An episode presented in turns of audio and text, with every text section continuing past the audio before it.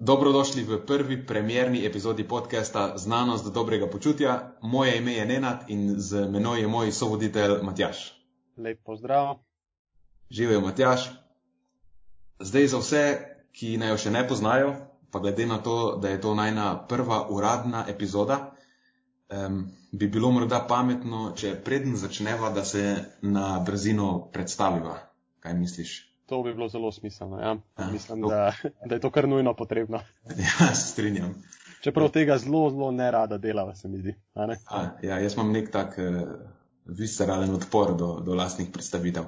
Ampak mi ja, je Vesna že, že pred časom, to je naša menedžerka Vesna, mi je rekla, da to je zelo pomembno, da se predstaviš. Tako da bova, bova kar začela s tem. Um, pa lahko naj jaz na začetku predstavim oba dva tako. Um, samo da povem, da oba dva z, z Matjažem sva člana ekipe Filgut. Mi pri Filgut smo ekipa eh, nutricionistov, trenerjev in predavateljev. Nekak naša misija je, da ljudem pomagamo reševati njihove na prehrano in vadbo vezane težave, oziroma da pomagamo sestaviti prehranski in vadbeni načrt, ki potem vodi proti njihovim ciljem. Zdaj, kot že pravi ime Filgut, je dobro počutje v prvem planu, ne, nekako ta filgut oziroma dobro počutje je nadpomenka, ki zajema vse aspekte našega zdravja in zadovoljstva. Ne samo to, kako izgledamo, pa kako fizično zdravi smo, ampak nekako probamo bolj um, na celo zajeti to stvar. Zdaj, moje ime je Nenad, recimo, da je moja specialnost znotraj ekipe področje vplivov prehrane na zdravje in interpretacija in komunikacija prehranske znanosti.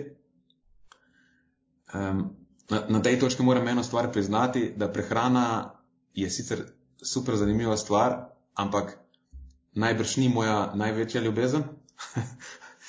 Zdaj, prehrana je. Pomoraš. ja, ja, prehrana je samo en, ne sicer zelo pomemben, ampak je še vedno samo en del tistega, kar me pa najbolj zanima, to pa je človeška presnova, a pa morda še širše, kot človeška biologija na splošno. Um, zdaj še ena stvar. Pa moram reči, da sem ta, strasten zagovornik znanstvene metode v vseh, v vseh domenah življenja. Ne. Živim evidence-based lifestyle. Malo zašalo. Ampak ne, res mislim, da je znanstvena metoda je najbolj čudovit in točen način reševanja problemov, ki ga, ki ga pač trenutno poznamo, ali pa ki ga imamo na voljo. Znanost nam je tudi prinesla vse lepote eh, sodobno razvite družbe, v katerih lahko mi dva uživamo danes, naprimer Skype. Um, in marsikaj, kar danes smatramo za samoumevno, brez znanosti, spoh, spoh ne bi imeli. Zato mi pri Filgudu ta znanstven pristop s pridom uporabljamo na področju prehrane in vadbe, ampak mislim, da je lahko ta stvar enako uporabna tudi v vsakdanjem življenju slehernega posameznika. In eh, nekako to je mogoče ena taka moja mala misijica v življenju, rad bi pokazal, kako je ta stvar lahko res za vsakega posameznika pomembna. Ker znanost niso, niso samo bele halje ali pa eh, laboratoriji. Ne? Danes, ki nekomu ne vem, na cesti omeniš znanost, je, se mi zdi to prva asociacija. Ne? To je nekaj, kar je njemu tuje, pa, ne, um, kar si ne znaglih dobro predstavljati, ali pa si takoj predstavlja laboratorije, bele halje in neka urodja. Ampak znanost je v bistvu način razmišljanja. Ne? In zato ne rabiš biti znanstvenik. Ker znanost v vsakdanjem življenju se samo imenuje kritično razmišljanje. Ne? To kritično razmišljanje je, je temelj znanstvene metode. In, in to je tisto, kar vsakega posameznika lahko naredi za znanstvenika, ne? kritično razmišljanje. In zdaj, predem se zapletem, mislim, da to nekako je tudi, tudi glavna misija tega podcasta, ne? ki se imenuje znanost dobrega počutja. Zdaj, ja, na sveti o prehrani in vadbi in vseh ostalih stvarih, ki prispevajo k dobremu počutju, bodo um, pogosto osrednja tema pogovora, ampak misija, ta veliki zakaj tega podcasta, pa mislim, da bo, če se bo Matjaš strinjal, bo promocija znanosti in kritičnega razmišljanja. Um, prehrana in vadba bo, bo vozilo, s tem se bomo vozili iz tedna v teden, ampak promocija znanosti in kritičnega razmišljanja bo pa smer, pa smer potovanja. Um, tako da ne vem, nek slogan rabimo. Ne? Znanost v vsak slovenski dom, pa za bolj premišljen in bolj prijeten jutri. Zdaj, tudi če bomo stranko ustanovili, pa lahko to uporabimo. Če ima kdo kak boljši predlog, lej, se priporočam. Nenad, za nekoga, ki ne rad govori o sebi in o tem, kar dela, si tole odlično izpeljal. Ja, ja, ja, ja, v bistvu, ne, mislim, res, res, res verjamem in ajde rešva ne da verjamem, ker to ne, v znanosti se neč ne verjame. Ampak vsi podatki nakazujejo v to smer, veš, kao, da bi nam šlo precej bolje na vseh nivojih, tako, da, tako na individualnem kot na družbenem nivoju, če bi odločitve sprejemali bolj premišljeno, bolj premišljeno in pa na podlagi objektivnih podatkov, ne, ne pa na podlagi čustev in impulzov in pač nekih drugih stvari podobnih, kot to delamo sedaj. Um, ok, mislim, to je dost filozofiranja zdaj z moje strani. Dej si ti še predstavi. ja, v osnovi vse to, kar si povedal, Nenad, eh, to je to. Uh, mogoče bi samo še dodal par besed o sebi in sicer, da se v osnovi ukvarjam z, uh, znotraj ekipe, se ukvarjam z športno prehrano, torej športniki. Torej, to je pa nekako uh, tisti moj glavni passion v življenju. Iskanje tistih marginalnih razlik, tistih najmanjših možnih razlik, ki jih lahko naredimo s različnimi prehranskimi strategijami, da športnika eh, popeljamo na najvišji možni nivo. Eh, to je ena izmed mojih funkcij. Druga funkcija je pa uh, ukvarjanje z osebnim trenerstvom, kar pa delava pri Filkudu skupaj z Marijom, ki ga danes uh, ni med nami. Uh, yeah pa ga tudi, če ga bova kdaj povabila, ne? Ja, ja. če si bo to zaslužil. Um, ne tako, ko si prosi, da te prekinjam, ampak ki ga ni med nami. Ja. ja. Je še med nami, ni gost na podkastu. Ja, se upravičujem, mislim, mislim, da bo tako morbidno to izpadlo, da ga pač trenutno ni na podkastu. Uh, tako, mislim, da uh, kaj bistveno tukaj nimam za dodatno. Ja, Matjaš je nas, naš chief uh, sports nutritionist. Tako. Tako da, ok, zdaj pa, ker sva s temi predstavitvami nekako, vsaj mislim, da uspešno zaključila, um, da narediva še predstavitev samega podcasta, da si bodo najni uh, poslušalci, vseh pet, znalo predstavljati, um, kaj lahko iz tedna v teden pričakujejo. Uh mhm. -huh. Tako. Okay. Nekaj moramo še priznati, a pa se ne vem, če je to glih priznanje, da to v bistvu ni najna čisto prva, prva epizoda, je sicer prva uradna epizoda, ampak pred kratkim. Naredila en beta test, ne? Beta test, ja. Pred kratkim, pa se ne vem, če je tako pred kratkim, obljubila sva sicer, da bo naslednji teden, zdaj je menilo že malo več. Sva posnela eno testno vožnjo.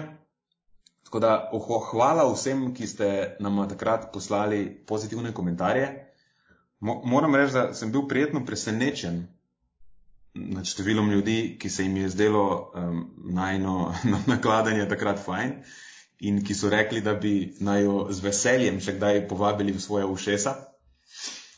Um, tako da s tem v mislih, a pa predvsem s tem v mislih, vzleta ta podcast tudi uradno. Um, kar se tiče nekih časovnih okvirjev, za idealno bi bilo, če bi lahko to zadevo posnela tedensko. Ampak mi dva z Matjažem sva zelo, zelo zasedena posameznika. Zdaj, potrudila se bova, da bo ta podcast vsaj približno tedenska stvar. Na začetku, dokler se loviva, morda, morda malo manj, kaj pa vem. In zdaj, ko to govorim, razmišljam, da bi mogoče raje igrala na karto, ki se imenuje eh, ta, kako se imenuje, variable reward schedule. To, to je v bistvu fenomen, se že spet filozofiram, pa način, kako naši možgani krepijo vzorce vedenja. Ne? In, in v bistvu to je stvar, zaradi kere so te uh, slot mašini, kako se temu reče, igralni avtomati najbolj zas, zasvojljiva naprava v kasino. Veš, potegneš ročico, včasih dobiš nagrado, včasih ne dobiš ničesar. In po ta občutek pričakovanja nagrade, a pa ta občutek pričakovanja med temi vmesnimi nagradami, če ni predolg, pa dodaja k temu zasvojitvenemu potencialu. Ne? Dopamin tukaj igra pomembno vlogo. In zdaj jaz razmišljam, da če nam uspe to zadevo narediti precej zanimivo in tako objavljati, kar se da na ključno in nepredvidljivo, ajde znotraj nekih ne, normalnih okvirjev, kaj pa jim bi se mogoče lahko to obneslo, da huknemo, da postanejo najni poslušalci malo odvisni. Ne, vidim, da si ti temu kar veliko energije in časa in razmišljanja že namenil. Ja. ja, vem, la, lahko rečemo, kaj pa jim. Lahko rečemo, da, da pride v epizoda vsak, vem, vsak torek. Ne, tako da preverite um, vašo najljubšo podcast aplikacijo vsak torek in ne, če ste zadeli nagrado, če ne pa bo naslednji torek. Če ne pa, better luck next time. Better luck next time. Ja. Okay. Ne, res se bo potrudila, da bo čim bolj redno, ampak eh, glede na to, da spoh, do, dobro, zdaj, če bi lahko ves podcast bil tako nakladanje kot je zdaj, pa ga lahko tudi vsak dan snemava. Ampak načeloma v naslednjih točkah imamo neke stvari. Hvala tudi te pave tega povedati. Ne? Ja, imamo neke stvari bolj razdelane in zahtevajo pripravo. To zahteva svoj čas in ni, neki, ni zelo pogosto mogoče, da, da to um, izvajava. Zdaj, kaj so te štiri točke? Nekako ta podcast so si zamislila v štirih poglavjih ali pa v štirih glavnih točkah. Prvo je, je aktualne teme. To, to je to, kar zdaj že delamo. In glavni cilj teh aktualnih tem je, da se mi dva ogrejeva. Uh, in zato, da se dobro ogreva, moramo malo po, po uh, filozofirati. Ne? Tako je, moramo malo po filozofirati. Zdaj, drugič bodo neke aktualne teme, kaj vem, delamo pri Filgood, kaj se dogaja pri, pri nama, v, vem, tudi mogoče kaj pravimo v privatnem življenju. Pač neke stvari, ki so aktualne v, pri nas in v družbi. Um, neka opažanja, zanimivosti in ne vem, kaj je zaznamovalo naj prejšnji teden ali pa take stvari. Tako da, mogoče ima to tudi neko vrednost za koga. Um, pol druga točka bodo novosti. Zdaj, primarno, valjda na področju prehrane in vadbe. In to se meni zdi, da bo najbolj zanimiv del vsake epizode. Um, načrt je, da oba dva nameniva uh, pač vsak nekaj časa temi, ki naj jo je v tisti teden najbolj, najbolj zanimala. Ker resnica je, da oba dva tudi nameniva precejšen delež na enega časa, zato da ostaneva uh, on top in v koraku, oziroma date s časom. Ja. Trenutno ja, literaturo. V koraku z znanostjo, tako je. Tako da, ne vem, če bi mogel oceniti, koliko časa porabim za to na tedenski bazi, pff, veliko najbrž. Ne, mislim, da si večina. Veliko, ampak še veliko več bi si želel žal pa ima dan samo 24 ur, pa, pa ne gre vedno skozi. ja, ne? ja, mislim, da res večina si sploh ne predstavlja ravno dobro, koliko časa to vzame. Zdaj, ker razmišljam, če glih je to pomemben del um, našega dela, to je vem, službe v narekovajih, kako čudno se reče, ko rečem služba temu, gre veliko, uh, tudi veliko prostega časa v te namene. Zdaj, tedensko, mislim, da sigurno 20 ur gre tedensko v to. Tako da, no, kakorkoli, v tem drugem delu podcasta bo vsak od naju izbral nekaj kosov aktualne literature, ki se mu bo zdel tisto krat najbolj zanimiv in vam bova te stvari zelo na kratko predstavila. Tako da, dobili boste destiliranih teh 20 plus ur v, v par minutah. Men se, vsaj meni se zdi to uporabna stvar. Ne vem, kaj misliš? Definitivno, ja. Okay. Um, potem tretja točka bo pa neka usrednja tema. Uh, v vsaki epizodi bo poskušala podrobno razdelati neko tematiko, spet načeloma nekaj o prehrani in vadbi, in potem v tej tematiki podati nek, nek praktičen, uporaben zaključek. Um, hm. Za danes sicer že malo temu, ker smo se dogovorila vnaprej, oziroma Matjaš je predlagal temu, pa se je meni zdelo super in sem se strinjal. Um, zdaj, kako bova točno v prihodnje izbira, izbirala to osrednjo temo, nimam pojma. Mogoče na podlagi popularnega povpraševanja.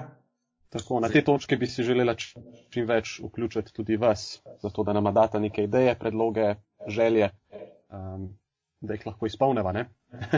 ja, to bi bilo idealno. Torej, če imate kakšno vprašanje, pa vas neka specifična stvar, specifična stvar zanima, pač pristavite svoj lonček. Zdaj ne vem, razmišljam, da bi bilo idealno, če za te stvari uporabiva našo Facebook skupino. Hm? Ne, lahko vsakeč narediva eno objavo, ki bo namenjena temu glasovanju ali pa zbiranju interesa, mm, in potem na podlagi tega um, pač izbereva v srednjo temo. Kaj misliš? To je super ideja. Facebook skupini se pa reče Feel Good skupnost. Ja. Da, ja, Zanite se, zastonje, dokler, dokler ne informacije vas tam čakajo. dokler ne najdemo nekega bolj zvenečega imena. Ja, tako. Šalim se. Feel Good Clan. Kult. Kult, ja. Ja, to, je, to je bila šala. Mogoče še zato moramo dati en disclaimer. Da vse, kar bova povedala, spoh v teh prvih delih, ni nujno mišljeno resno. Zdaj se bom potrudil, da bo ta sarkazem um, kar se da jasen. Ampak ne moremo obljubiti, da bo vedno zadovolj jasen. Hoda. Jaz raj ne bom delal nikakršnih obljub. Ampak, če kaj preveč čudnega pride iz mojih ust, potem je to definitivno. Ja, glej, zapomnite si, da ima specifičen uh, smisel za humor. Tako da, aha, četrta točka. Znači, četrta točka bo razno. To bo en tak avtro, poslovilen del. Uh, Noč kaj posebnega, nimam tu nobene ideje. Pač z, nek, z, z nečim vas bova zapustila uporabnim mogoče nek praktičen zaključek, um, kjer, nam, kjer nam lahko sledite in pač te, ne vem, klasično. A sem, a sem dobro naredil pravo to? Tako, odlično. To je, to je muštr tega podcasta. Če ima pa kdo kakšno drugo uh, željo ali idejo že na tej točki, pa prosim. Ja, dobro, mislim, preveč, preveč odprta spet ne smejo biti. Ne? Zdaj, to, to je zasnova, tega zdaj ne bo več spremenjala. dobro. Sprejemamo predloge za teme. Dobro, uh, sva, to je bila zdaj aktualne teme. Greva kar na novosti, kaj misliš? Uh mhm, -huh, najboljš. Ja. Povej, kaj te je ta teden no, najbolj zaznavalo, kaj, o, o čem bi se rad pogovarjal, kaj so novosti na področju prehrane in vadbe tega tedna? Ja, ej, ja ok. Prva stvar sploh ni stvar. Ni, ni, ni niti prehrana, niti vadba. A pa mogoče je malo prehranska, delno. Um, gre pa za stvar, ki me je ne, zdela se mi je super fascinantna. Pa tudi aktualna je, se mi zdi. Um, dotika se, imunosti se dotika, ker to je pač zdaj neka aktualna stvar. Zdaj, Mogoče ste lahko opazili, da prvih, ne vem koliko minut se že pogovarjava, sploh nismo omenila tega slona v sobi, ne? ki se mu reče koronavirus. Tako da, se bo potrudila tudi v prihodnje, da, bo, da bo to neko dih lahko ta podcast. Mm -hmm. Čim manj zaznamovan s COVID-om. Ja, ja. Ampak vseeno, to je neka taka stvar, ki, mi, ki, ki je zanimiva tudi na splošno, ne samo zdaj. Um, ampak pazi to, no? ne res, to me je res fasciniralo prejšnji teden. E, mogoče tudi zato, ker me evolucijska psihologija me zanima in potem a, iz tega naslova. Pač, ko se pogovarjamo o imunosti, ne, Um, vsi se najprej spomnimo na, kako rečem, imunost ali pa imunski sistem, vsi se najprej spomnimo na, na prirojeno ali pa pridobljeno imunost na, na te neke fiziološke in biokemijske mehanizme uh, in odzive, ki, so, ki se dogajajo predmet in, in po okužbi. Ne, ampak obstaja še ena komponenta imunosti, ki se razlikuje od tega, ki je v bistvu zelo pomembna komponenta, um, in ki jo ta naš eh, trenutno aktualni državni sovražnik, SARS-CoV-2, v začetnih fazah popolnoma, popolnoma zaobide. In ta druga, oziroma tretja stvar, o kateri govorim, je, je gnus. gnus je v bistvu, ali pa odpor do nekih stvari, ampak mislim, da je gnus prava beseda. Je, ne, je neke vrste naš vedenski imunski sistem, ki je sam delno priučen, ampak večinoma pa gre za nek prirojen miselni program, ki pa je produkt naše evolucije. Je neka usporednica, ne? tako kot si rojen z neko prirojeno imunostjo in potem, ko si izpostavljen okolju, pa vem, patogenom iz okolja, potem se ta tvoj imunski sistem zgradi tudi tisto ne, pridobljeno imunost in si bolj odporen na, na neke okužbe. Tako isto je ta gnus. Ne? Imaš nek prirojen miselni program, vse nas že a priori odvračajo neke stvari. Ne? In pol neke stvari pa se lahko lah priučimo. In zdaj, zakaj pravim, da je to prirojena stvar? Um, ker vsi podatki kažejo v, v to smer, da je. Pač, in tudi smiselno je, zakaj bi bila ta stvar prirojena. Ne? Skozi celo našo evolucijsko zgodovino so se vem, patogeni, te patogeni mikrobi se niso kar na ključno pojavljali, ampak je bila večna, večja verjetnost, da jih najdeš vem, v vem, gnili hrani ali pa v iztrebkih ali pa na nekom, ki dejansko kaže znake bolezni, ne, ki bruha ali pa ki kašlja. In potem povsem smiseln zaključek je, da je naš senzorni sistem razvil posebne vrste občutljivost na vse te uh, držljaje, ki so bili zgodovinsko najpogosteje povezani s prisotnostjo patogenov. Ne?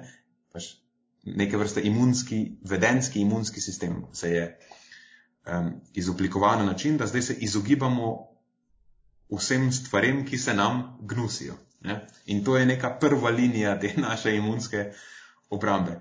Izogibaš se v bistvu stvari, oziroma stvari, ki se ti gnusijo, so v bistvu stvari, ki so najbrž kužne. Obstaja velika verjetnost, da so kužne. In tudi zanimivo je, da pri tem gre za neko drugo vrsto čustva, kot za neke druge nevarnosti. Recimo strah. Zdaj, če te nekdo napade v temni ulici, zdaj lahko pobegneš, a pa se braniš, razumeš, ga napadeš nazaj. Medtem ko gnus je neko čisto, čisto drugo, druga vrsta čustva. Noč ti ne pomaga, ne moreš se tepst z mikrobi. Um, ampak deluje na principu odvračanja. In te, če, če pomisliš, kako ta gnus deluje, obstajata, obstajata dva principa. Zdaj, en je tako kriv zaradi podobnosti. Gnusijo se ti neke stvari, ki, a pa se nam gnusijo, ki nekako zgledajo. Recimo, da ti spečem tortico v obliki, ne vem, pasjega iztrebka, ne, mislim, kako smešno se sliši, je ne boš klik z veseljem jedel, ker je, ne, ker v naravi najbrž, ko neka stvar zgleda tako, ne, if it, kako reče, if it uh, quacks like a duck, in walks like a duck, a ene, ki ta zga pol, it is a duck. Da je duck. Da je duck. E, isto je tukaj, velika verjetnost obstaja, da če nekaj izgleda gnilo ali pa če izgleda bolno, da bo bolno, ne kljub temu, da pač, ker zgodovinsko ni noben peko tortic v obliki pasih iztrebkov. Ne, ampak, ko je izgledalo tako, je bilo najbrž kužno. In tako to, to generalno velja. Pač, ne vem, če zgleda neka stvar kot bruhanje, ne boš je glih jedel. Ne, če nekdo zgleda boln, kljub temu, da, da, da, da ni boln, um, pa se čudi, ne vem, um, zbuja v tebi gnus. Ampak ena še bolj zanimiva, un drug princip pa se mi zdi še bolj zanimiv, je pa ta, da enkrat, ko je bilo v kontaktu s tem, pa je vedno v kontaktu s tem. Ne? Recimo, noben ne mara piti za nekom, a pa um, no, a veš, veš, da takrat je bila neka stvar s tem v kontaktu in je potencialno lahko kužna. A pa tudi, če recimo daš neko, neko ogabno stvar, pa jo razkužiš, ne? in jo daš ne vem, nekega hrošča, recimo, da ga, da ga razkužiš in ga potunkaš v kozarc vode. Ne? Lej, tudi če veš, da je ta stvar zdaj več ni kužna, ne? se ne boš pil iz tega kozarca vode. Ne? Pač, ker ta gnus se je aktiviral. In to, mislim, mislim, to je res genialno, ker to je intuitivna mikrobiologija. Je. Ne, ker vemo, kako v mikrobiologiji se stvari. Samo zadosti je, da se dotakneš ne, in se stvari začnejo množiti. Čim stvar postane kužna, potem mik mikroorganizmi se razvijajo na tej stvari in povečujejo svoje število in lahko postanejo potencialno nevarni. Ne? Delujejo na drugačen način kot neke vrste druge vrste strupov. Ko je neka stvar stropena, je stropena v neki dozi. In veš, da če je ta doza majhna, ni nevarna in se te stvari ne bojiš. Dočim, ko, se, ko, ko so v igri patogeni, poje sem za dost en dotik, da ta stvar s časoma postane nevarna. In tudi gnus deluje tako. Ne? Ko se neka gnusna stvar ene negnusne stvari dotakne, poje je ta, ta druga stvar gnusna. Ne, ne, me, ne vem, meni se zdi to fascinantno. Da je dejansko evolucija te eh, mikrobiološke principe ugradila ne, v, v naš eh, modus operandi ali pa v naš način funkcioniranja, mislim, tisoče let preden smo mi sploh ugotovili, kaj mikrobiologija pomeni. Um, in ja, zakaj, zakaj je dejansko to v tej, v, v, v, zdaj v trenutni situaciji tako zanimivo? Zato, ker tudi ta naš virus zaobide to. Ne? Ker v, ugotovili smo, da v prvih fazah so ljudje kužni še preden kažejo simptome. Torej, v bistvu še preden na veliko kašlaš, še preden se ti cedi od vse povsod, še preden zgledaš bolan, si kužen in zaobideš ta vedenski imunski, oziroma virus s tem zaobide ta vedenski imunski sistem. In zato je pomembno, da ga nadgradimo s stvarmi, kot so umivanje rok. Ne? Ker to pa deluje in to vemo, da deluje. Um, kaj je bil zdravnik? Je bilo to v Dunajski bolnišnici, Simmelweis, tako je, ki je, njemu rečemo, da je oče umivanja rok. A je tako? A, a poznaš to zgodbo? Povej, povej. Pač, takrat, ne vem, kdaj je to bilo, osem, ne vem, pač veliko let nazaj. Takrat si zdravniki niso umivali rok še, ker nis, pač nismo, niso imeli tega koncepta, da se lahko potencijalno patogeni mikrobi prenašajo. In takrat so zdravniki, takrat je bila smrtnost v tej Dunajski bolnišnici eh, po priporodu, matere priporodu je bila zelo visoka, ne, mislim, da je bila 10 postav, nekaj takega. Zato, ker so zdravniki pogosto prej delali obdukcije, so bili z rokami v nekem truplu in pol, ki je bil porod, so s temi umazanimi ali pa kužnimi rokami pomagali pri porodu in potem so se je mati okužila in je pogosto zaradi um, okužbe umrla. In potem je ta Simmelweis, dr. Simmelweis, nekako postavil hipotezo, da ne pomagati pri porodu z umazanimi rokami, um, in so si začeli roke umivati. Torej, ne, v bistvu so nadgradili so to, to svojo, ta svoj vedenski imunski sistem z umivanjem rok. In takrat se je smrtnost vlada zmanjšala, ker so potem une potencijalno patogene mikrobe, ki so jih tam pridobili na roke z tem, da so šarali po truplih, so si jih z umivanjem znebili. In podobna zgodba je tukaj. Ne. Imamo patogena, ki zaobide naš naš najbolj ta rudimentaren vedenski imunski sistem, ampak če si pa zelo dosledno umivamo roke, a veš, pa to lahko v bistvu bistveno pomaga. Um, ker se mi zdi, da zdaj še smo ugotovili, da je da dejansko se zadeva s dotikom pogosteje prenaša kot pa po zraku, ne? ker pač tekočine, v katerih se um, ta virus nahaja, se potem prenesejo na površino in pol grem jaz na, z rokami na to površino in potem preko mojih rok se dotikam obraza in ust in vsega tega in potem tako preko tega se prenese um, stvar in se začne razmoževati v meni in povzroči bolezen. Tako da ne vem, v meni se je to, ta stvar zdela prejšnji teden super fascinantna. To je zelo zanimivo. Ja. Na, na, na gnus vpliva primarno nek genetski faktor ali tudi kakšen okoljski, recimo okolje, v katerem smo odraščali. Omenil ja. si kakšne žuželke, ne? zdaj uh, predvidevam, da okay, pri nas ravno ne jemo žuželk. Uh, vem pa, da na kakšnih, uh, kakšnih drugih predeljih sveta je pa to nekaj čisto običajnega. Ne, ja. ne gnusi. Um. Ja, to, to je v bistvu super vprašanje. Ja, jaz mislim, da, da obstaja, samo v osnovi obstaja nek modul v naši glavi, zdaj, ali što je pač tako domneva obstaja, tako da, tako kot za večino stvari, nek modul v naši glavi, ki se mu reče gnus, in potem na podlagi okolja, v katerem živimo, se mi zdi, da vse, pa večina naših teh vedenskih lastnosti tako deluje. Da obstaja nek splošen vedenski modul, ki ga potem bolj natančno izoblikuje okolje, v katerem živimo. Ne? In tako, kot se ja, prav si omenil, so neke stvari, ki so že. Ki so univerzalno gnusne, neke druge stvari, pa so, ki se jih pa lahko naučimo, ker vidimo, da okay, naši starši to konstantno jejo, to je v redu. Ne? Se naučimo, da nam je to uh, dobro. Pa pa obstajajo neke stvari, ki jih naši starši ne jejo, oziroma ki se jih izogibajo namenoma, se naučimo, da to pa najbrž ni dobro, posnemamo. Um, in mislim, da tudi obstaja za to nek spremljajoč dokaz v, v tem v otroškem razvoju. Ker ko je otrok majhen, ko še ne hodi, lahko mu vse daš za jesti. Pač, mislim, vse. Večino stvari bo najbrž sprejel, sploh če jih ješ tudi ti. Pa pa, ki enkrat se začne sam premikati, pa pa vsi okusi, ki do takrat niso bili uvedeni v njegovo prehrano, je bistveno manj receptiven je za vse te čudne okuse. Ne? Ker zdaj, zdaj se vklopi v njemu ta obrambni mehanizem. Zdaj vse, kar mu ni bilo takrat servirano, kar je pač očitno varno za njega, ker so starši določili, da je to varno za njega. Vse, kar je mimo tega, ne, ali pa kar ni v skladu s tem, je potencialno nevarno, ker zdaj on se začne sam gibati, postaja avtonomen po okolju in daje vse pakin usta. Pardon. vse daje. To se bo, moramo se še odločiti, da bo prekinjala ne bo. Jaz bi rekel, da tale podcast ne namenoma ne bo PG-13, nažalost. Ja, ja, ja, ampak se bo trudila, no, ostati korektno. Definitivno. Eh, ampak takrat otrok, no, če se vrnem k temu, otrok takrat daje vse daje v usta. Ne?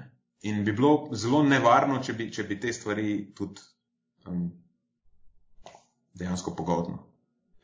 A potem obstaja verjetnost, da bodo nekega dne tudi pri nas popularne beljakovinske ploščice na osnovi beljakovin žuželk? Ja, lej, mislim, jaz upam, da bodo. Zdaj, to si zelo zanimivo, si, temu si načel. Um, jaz mislim, da je tudi skrajen čas, da ta stvar postane čim, če popularna pri nas. Prvič, ker je realno dober vir beljakovin. Mislim, ne, ni, ok, pustimo okus kakovosten vir. Ja, ja, kakovosten vir beljakovin, zelo kakovosten vir beljakovin, tako on par z mesom. Je pa druga stvar ta, da je bistveno manj obremenjujoč za okolje vir beljakovin.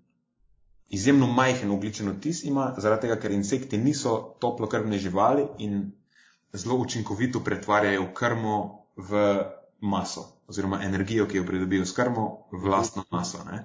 In v bistvu skoraj vse, kar jim daš za jesti, postane potem potencialno tvoja hrana. Dočim, ko vzgajaš živali, je ta konverzija zelo slaba, ker toplokrvne živali veliko energije oddajo v svoje okolje, ne? za brezveze. Mislim, za brezveze, ne za brezveze, ampak ne? nahraniš jih, pa to ne postane takoj masa. Tudi hrana, ki jo lahko daješ insektom, je izjemno raznolika. Lahko jih nahraniš tudi z nekimi stvarmi, ki jih no, nič živega drugega ne bi jedlo.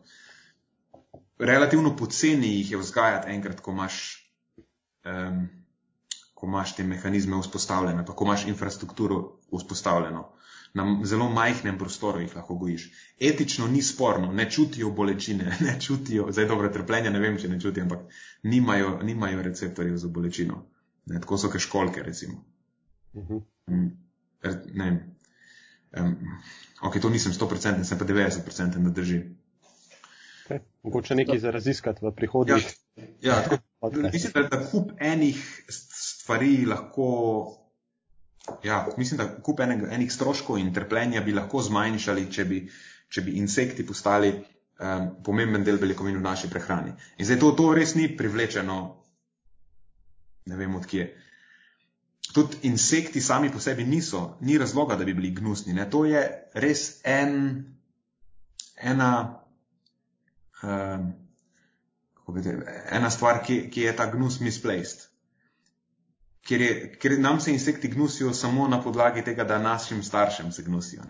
Pa, dobro, sej prenašajo tudi neke bolezni, samo inse, niso vsi insekti um, prenašalci uh, nekih patogenov, ali pa um, velik del jih je, tako da tudi mogoče res ni samo. Skratka, gnus ima svoje pluse in minuse. Ja, ima svoje pluse in minuse. Ne? Ta stvar, ja, spet, spet ena zelo, zelo dobra stvar se izpostavlja. Ta stvar ni perfektna, ne? ker tudi ne sme biti perfektna. Tudi evolucijsko ne more biti perfektna, ker vedno je cost-benefit kalkulacijo treba narediti. Kdaj je smiselno, da se ti nekaj gnusi in kdaj ne. Če jaz vidim enega tujca, ki bruha po ulici, ne, bo ok, to je full gnusna stvar.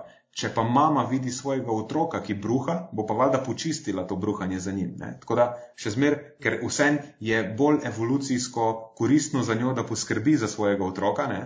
ker je pač to glaven namen evolucije, kot to, da se ona izogiba temu bruhanju. Tako da ne more biti ta gnus popolna stvar. Lahko je čim bolj nakalibrirana, ne more biti pa popolna. Ne?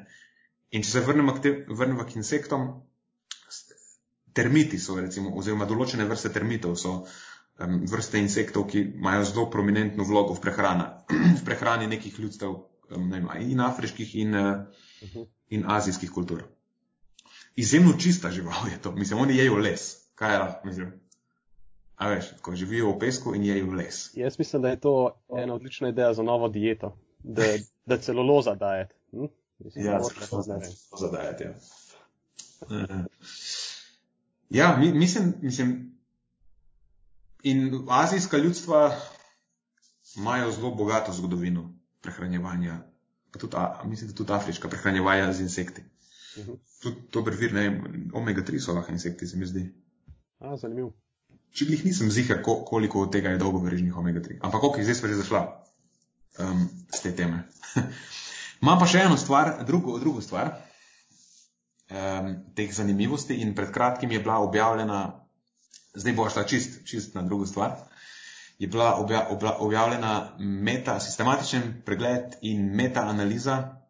Um, ne bom celega naslova bral, ker je tri vrstice dolg, ampak v bistvu je iz področja različnih diet oziroma vpliva različnih eh, popularnih diet z imeni na izgubo telesne mase in na spremembe v kardiovaskularnih eh, oziroma v dejavnikih kardiovaskularnega tveganja. Zdaj, zakaj je ta stvar zanimiva? Ker vemo že na podlagi tako gomile raziskav iz preteklosti in precej dobrih sistematičnih pregledov in metaanaliz je bilo že upravljenih na temo, um, na temo izgube telesne mase in vemo, da v bistvu nima veze, kaj vzameš, čim omejiš svoj energijski vnos, um, bo tvoja iz, bo izguba telesne mase temu energijskemu primankljaju primerna.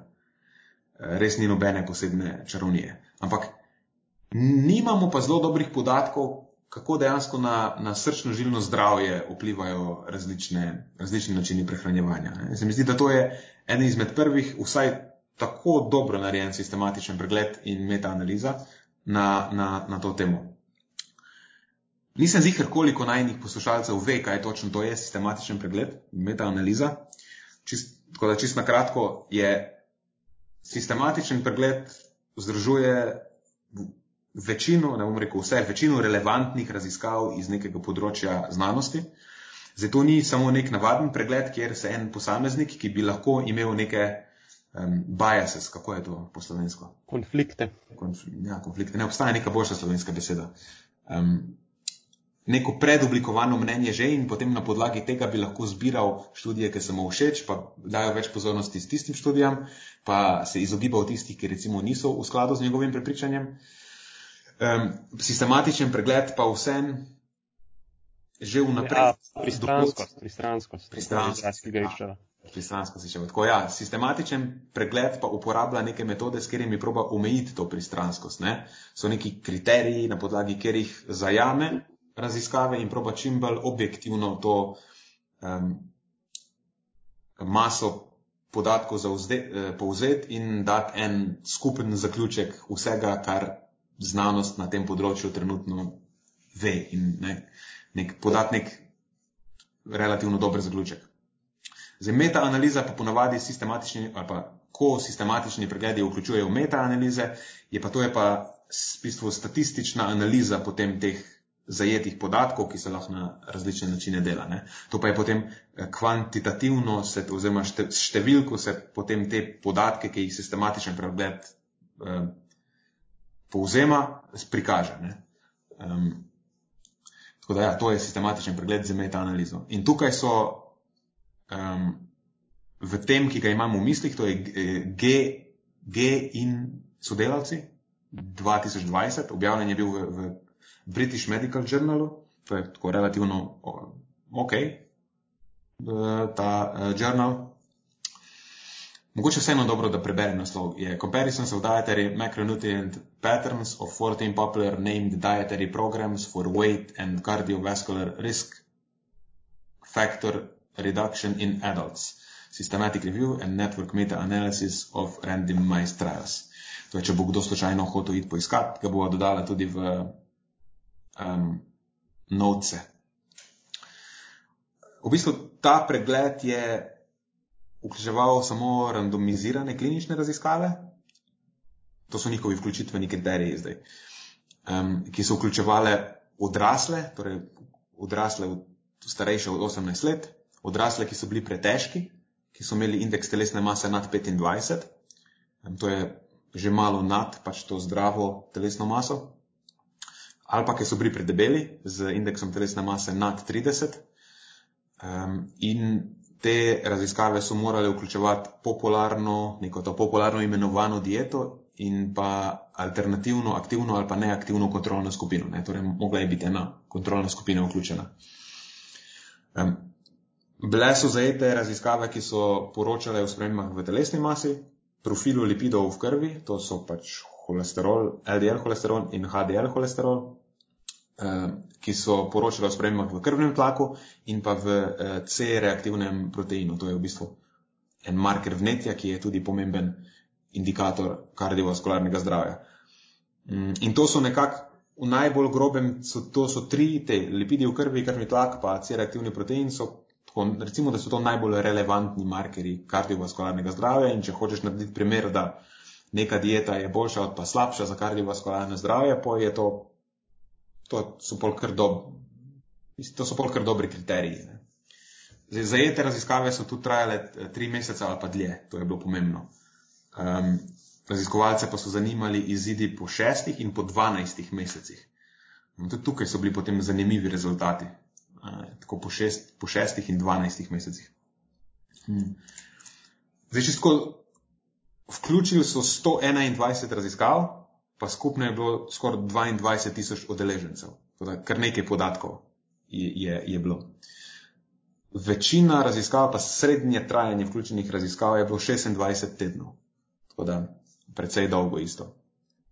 Um, so pa zajeli poda te zajete podatke, zdaj imajo 121 raziskav, ne, pa 22 tisoč udeležencev. Gre za zelo različne pristope, ne, poznamo fulejnih različnih diet. Zdaj, oni so te podatke zajeli pa interpretirali na dva načina. Torej, gledali so glede na razmerje makrohranil, ne, ali ima neka dieta več ugljikovih hidratov ali več maščob, ali je neka zmerna dieta in pa glede na popularno ime diete. Ne. Tukaj so potem na 14 različnih diet stvari razdelili.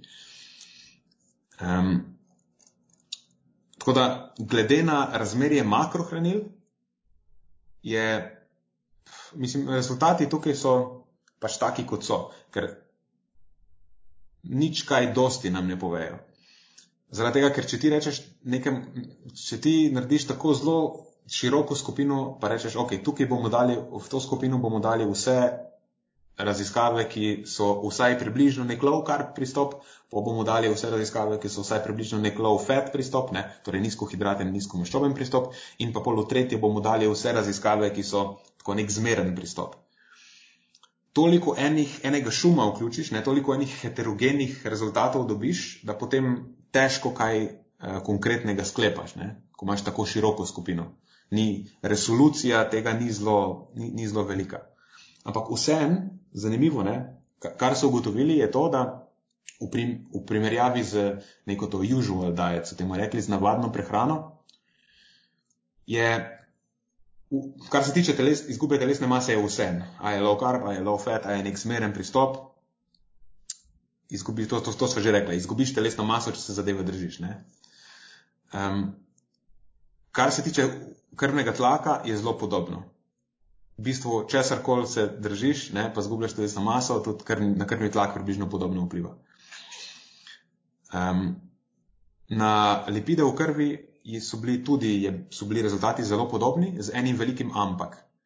Low carb, to je nizkohidratni pristop, je vplival na povišanje LDL holesterola. Zato je z vidika kardiovaskularnega zdravja zelo neidealna stvar, ampak bova, bova več o tem kasneje povedala. Oglavnem, to je bila nekak edina v bistvu razlika, da je low carb povzročil povišanje LDL holesterola. Um, še ena druga stvar, ki pa jo je mogoče važno izpostaviti, da kljub temu, da so bili vsi trije tako v grobem pristopi podobni, ta zmeren pristop je bil najmanj učinkovit. Ne? Oba dva ekstrema, tako low carb kot low fat, sta povzročila sploh v krvnem tlaku eh, večje znižanje. Zdaj, kaj lahko na podlagi tega sklepamo, je to, da se ljudje lažje, vsaj na kratki rok, držijo nekega bolj enostavnega, ne, veš, lažje se je držati low carb pristopa, pač ne jesti hidratov ali pa low fat pristopa, ne jesti maščob za omejen čas. Ne. Tako da na, na kratek rok zanimivo, da so bili rezultati pri obeh ek, ekstremnih pristopih boljši kot pri zmernih. Je pa potem velja omeniti še eno stvar, da to je bilo pri šestih mesecih pri 12 mesecih so se vsi rezultati v bistvu sprali, ne? oziroma zgubljati so se začeli. Tudi za telesno maso, pri 12 mesecih je bilo povprečje tam 4-5 kg, so ljudje izgubili, pri 12 mesecih samo še 3. pomeni, da doslednost pada. Um, čim se ukvarjamo z neko predpisano dieto, tudi druge kaže, da je 12 mesecev že zelo dolgo in ljudje se enostavno tega ne držijo in potem so rezultati slabši kot pri šestih mesecih. Tako da to je neka stvar, ki jo, je, ki jo velja, ki tudi ni nezanemrljiva, ne, ko se o tem pogovarjamo. Tudi če je nek pristop k prehrani pri šestih mesecih učinkovit, ali bo potem še vedno pri 12. Um, ok, pa Mogoče bolj zanimiva stvar je pa, je pa ta drugi del, kjer so zajeli podatke za 14 različnih teh imenovanih diet. Pomeni, da so vsako od teh 14 imenovanih diet primerjali z usual diet, torej z navadnim načinom prehranjevanja in spet so gledali um, izgubo telesne mase, krvni tlak, vpliv na LDL holesterol in pa C reaktivni protein. Dva pristopa, ki tukaj se kažeta kot najbolj ugodna za srčno-žilno zdravje, sta mediteranski in pa ta dash pristop. Dash pristop je neka modifikacija v bistvu mediteranskega. Eh, dash je kratica za dietary approaches, approaches to stop hypertension. Ne. Je v bistvu pristop, ki se točno usredotoča na zmanjšanje krvnega tlaka. To sta tudi pristopa, ki že predhodno, predtem imata najviš, največjo težo dokazov na tem področju, ne, so nekako dokazano koristna za ta namen. In ja, tudi tukaj se kaže ta zelo ugodno. Ena stvar, ki me je presenetila, je bil paleo pristop, ki se, ki, ki se kaže kot izjemno ugoden, vsaj po teh podatkih. Sploh na, za znižanje krvnega tlaka, sistoličnega krvnega tlaka, ima največjo eh, težo dokazov, kot so jih uvrednotili s tem eh, great pristopom, in tudi z, absolutno znižanje je največje. Um, zdaj, zakaj je temu tako? Najprej zato, ker je eden izmed predpisov je zmanjšan vnos natrija, torej soli, pa visok vnos kalija. Tako da to je bila moja prva predpostavka. Um, ampak tudi recimo pri vseh ostalih dejavnikih se kaže kar dobro. Weight loss se je pokazal, oziroma ta izguba mase, um, ni povišal LDL-a. Um, ja, tako da ta je stvar, ki me je presenetila. Recimo nizkomaščobni pristop se je isto pokazal zelo dobro, tudi to me je presenetilo. Um, še ena stvar, ki me je presenetila, a pa ni me niti presenetila, ampak ta dietary advice, to so te uradne prehranske smernice, a veš, ki jih dobiš pri zdravniku, recimo, ne? Mhm. so se izkazale kot tako porazne. ja, kdo bi si mislil? Ja. Na, to je, kar se, tiče, kar se tiče vplivov na LDL holesterol, uradne smernice in Atkins in Zone, torej oba dva nizkohidratna pristopa, oz, ja, nizkohidratna pristopa sta se pokazala kot najslabša za LDL holesterol. In mislim, da tukaj na tej točki to lahko rečemo. To, to lahko rečemo ta LDL holesterol, doskrat te zagovorniki nizkohidratnega pristopa zamahnejo z roko, pa rečejo, ah, pa se to je, itak se je pol HDL holesterol povišal in ne vem, to po njihovo nekako odtehta to stvar. Sam zdaj že vemo, da to ni res. Ker LDL, sploh delci LDL-a in um, vsebnost holesterola v LDL delcih je v bistvu dosti krat spremlja povišanje delcev redko kdaj ne. V večini primerjih je temu rečemo stvar konkordantna in um, okay, da ne zaidem, LDL holesterol je, um, tudi je kauza, v bistvu ni LDL holesterol, ampak število LDL delcev je, je kauzalno upleteno v razvoj ateroskleroze oziroma srčno-žilnih bolezni. Tako da povišanje LDL holesterola je zelo not good zelo nedobra stvar, pač res ne idealna, ko govorimo o kardiovaskularnem zdravju. Tako da, sodeč po teh podatkih, pač nizkohidratni pristopi, oziroma konkretno ta Atkins pa zone pristopa, sta pa očitno tudi konvencionalne smernice, um, nista priporočljiva, če je vaš cilj optimizacija kardiovaskularnega zdravja, srčno-žilnega zdravja. Kar pa je priporočljivo, pa je mediteranski pristop, dash pristop, očitno tudi paleo pristop. Um, če klih tukaj nisem tok zihar, ker teh paleo pristopov, to si spet vsak po svoje interpretira. um, nek paleo pristop, ki temelji na nasičenih maščobah, pa uporablja dosti soli, najbrž ne bo idealen. To ni ta, ide, ni ta paleo pristop, ki so ga tukaj najbrž imeli v mislih. Tako da velja izpostaviti dash pristop in mediteranski pristop, kar se tiče kardiovaskularnega zdravja. Torej, če imate v družini eh, zgodovino srčno-žilnih težav, potem mogoče ta low carb pristop pri hujšanju ne bo ravno najbolj smiselna izbira. Ja, ja spoh ne na dolgi rok, pa za uravnavanje telesne mase. Kako so bila pa tukaj kaj uh, definirane te low carb pristopi? Ja, se to je glih ta stvar. Ja, to je glih ta stvar. Ko so, ko so zajeli podatke na grobu, ne, samo v tri, tri kategorije, low carb, low fat, pa zmeren pristop. -huh. je, je, je bil pač low carb, je vse, kar je pod 40 um, posto kalorij iz oglikovih hidratov. A, okay. ja. Ampak se, zato so bili rezultati izjemno heterogeni in nam v bistvu nič kaj dosti ne povejo na tisti točki. Zdaj, ko pa gledamo tukaj teh 14 različnih imenovanih diet, pa, pa so že kar dobro, ker imaš ta Atkins pristop, ki je nek v bistvu ta zelo pa nek zelo standarden LCHF pristop. Ne, ne moš reči, da, ni, da, da pač ni bil zajet. Imaš zon pristop, ki je neka mila bolj verzija tega, ampak je tudi low carb. Tako da tukaj pa na dolnjem delu pa so vseeno blizu segmentirani. Aha, ena stvar, ki sem jo pozabil še omeniti, pa da me ne bodo uh, učitali, ta orniš pristop, je to nek veganski pristop, lahko temu rečemo? Ne? Lahko rečemo ja. temu, plant-based ja. pristop. Plant-based pristop, ja. Se izkaže tudi precej pozitivno. Tako da to, z vidika kardiovaskularnega zdravja je ta orniš pristop um, zelo, ja. Se, Kar je tudi pravzaprav precej nepresenetljivo. Ne? Ja, tudi nepresenetljivo, nepresenetljivo ja.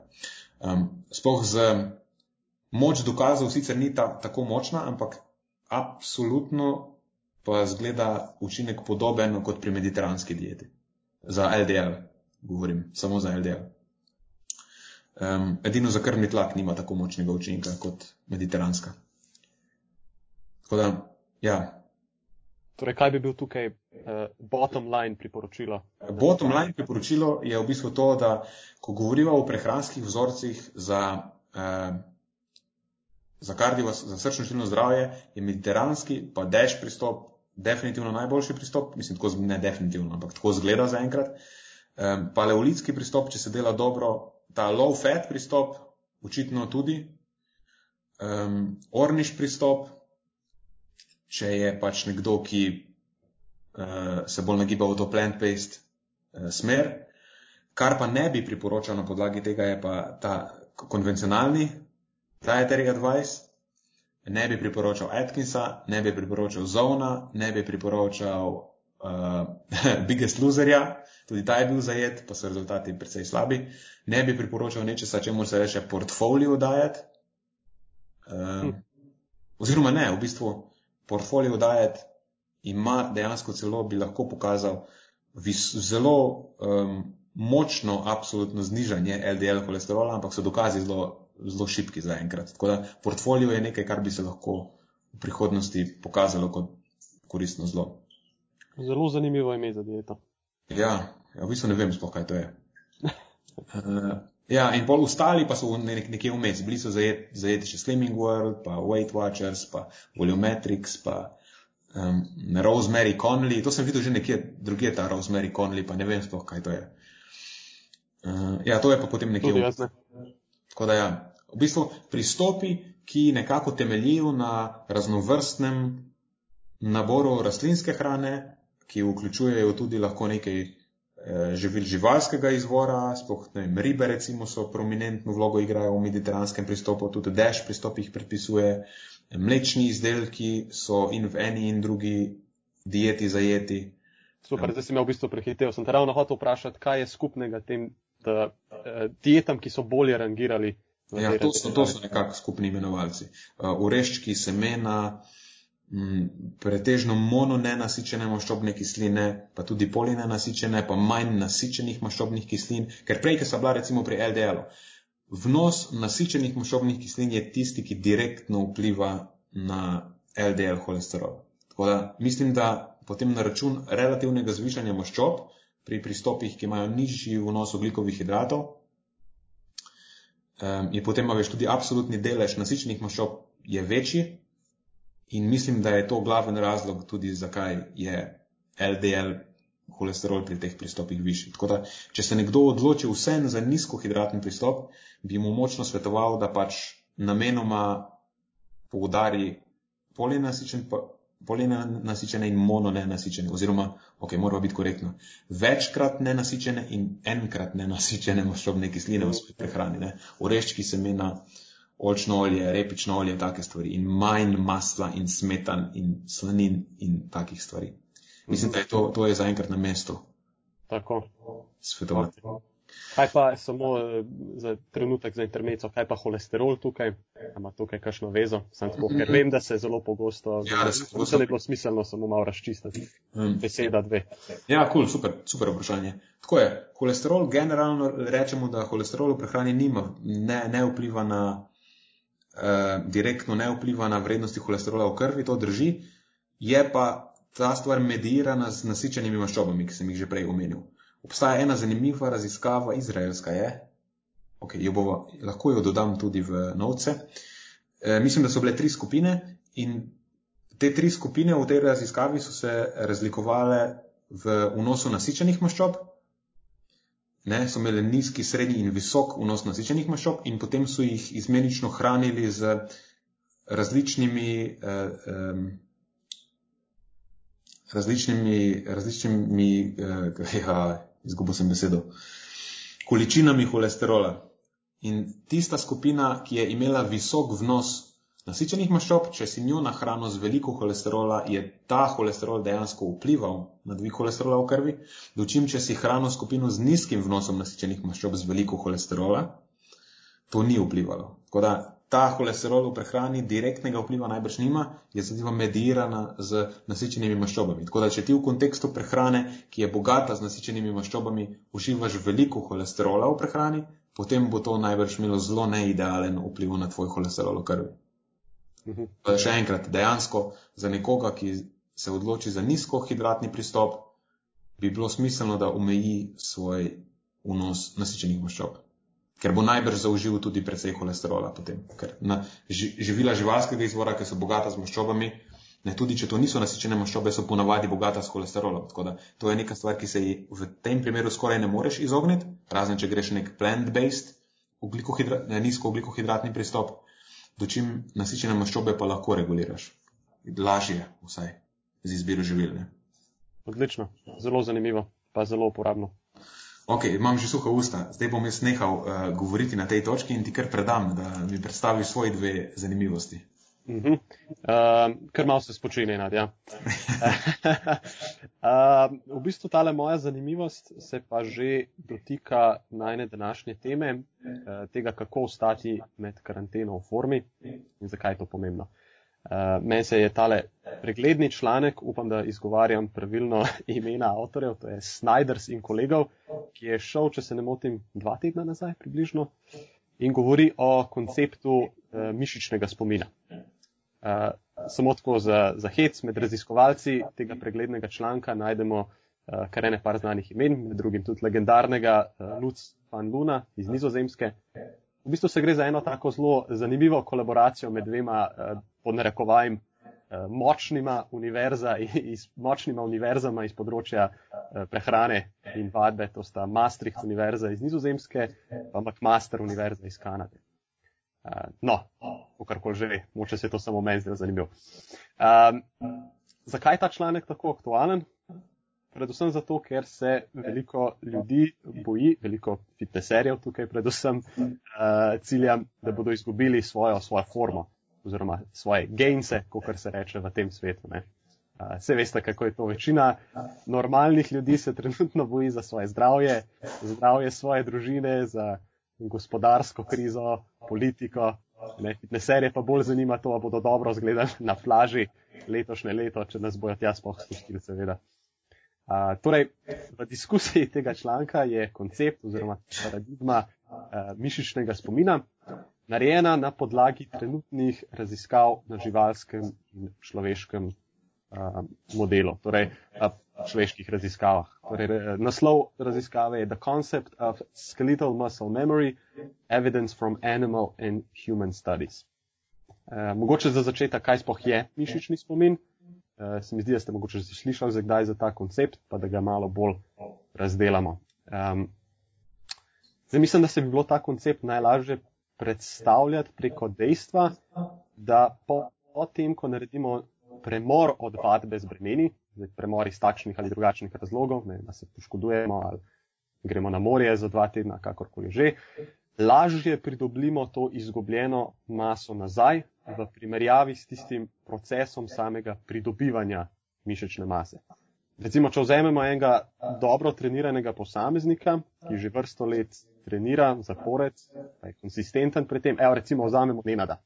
Recimo, da je Nenad za, za izgradnjo svoje trenutne mase potreboval, kaj pa vem, pet let. No, zdaj, če bi Nenad ta trenutek popolnoma prenehal trenirati za naslednjih par mesecev, ne vem, zaradi karantene ali pa kaj podobnega, pa bi potem ponovno začel trenirati, ne bi potreboval niti približno toliko časa, kot ga je sprva potreboval, da je sploh pridobil to maso. Ne? To je mišični spomin. Zdaj, kako ta mišični spomin deluje. Še nedolgo nazaj je bilo mišljeno, da je večino tega koncepta se nekako pripisovalo temu, kako bi temu rekel, temu nevrološkemu vplivu. Ne? Torej, ko se nekako naučimo neke nove dejavnosti, prihaja do določenih nevroloških sprememb v možganih, ki potem ne zginejo. Ne vem, lahko si predstavljate takrat, ko ste se pač prvič naučili voziti bicikl, ne, zdaj nekako ne bi pozabili se vsest na bicikl in ga peljati, tudi če bi peljali z njim zgolj enkrat letno. Ne. You don't forget how to ride a bicycle, tako pravijo. Uh, in ja, ta nevrološki aspekt je zagotovo pomemben, ni pa vse. Uh, drugo, mogoče celo bolj pomembno dejstvo je to, da ima vsaka celica svoj, svoje celično jedro, pravimo nukleus. In ta nukleus je neke vrste, kako bi temu rekel, tak kontrolni center, ne vem, možgani same celice. In um, mišične celice so v tem aspektu nekaj posebnega. Ne? Za vsako mišično vlakno lahko najdemo na, ne, na stotine ali mogoče so na tisoče različnih nukleusov ali mionukleusov, ne mio kot izraz za mišico. Uh, tako da nekako, če poenostavimo, bolj kot smo trenirani, bolj kot treniramo uh, telo, ne, večja kot postane mišica, več teh vlaken imamo, več teh mišičnih jeder imamo. In zelo zanimivo dejstvo je to, da ko nehamo trenirati, kljub temu, da nekako zaradi efekta detreniranosti se nekako zmanjša velikost mišic, kljub temu teh, uh, teh mišičnih jeder, teh mionukleusov pa ne izgubimo. Ne? In posledično, ker se potem vrnemo nazaj v fitness po nekem daljšem premoru, ne rabimo vložiti niti približno toliko energije nazaj, da zgradimo nazaj to izgubljeno mišičnino, ker že imamo ta obstoječa jedra. Um, zdaj pa, malo sem se spraševal na tej točki, preden nadaljujem, um, sem malo razmišljal, ne, uh, nisem sicer tako uh, zverziran na področju raziskav o anaboličnih steroidih, ampak vem, da, da en izmed efektov dopinga je tudi ta, um, pač da lahko hitreje pridobivaš pusto maso. Ne.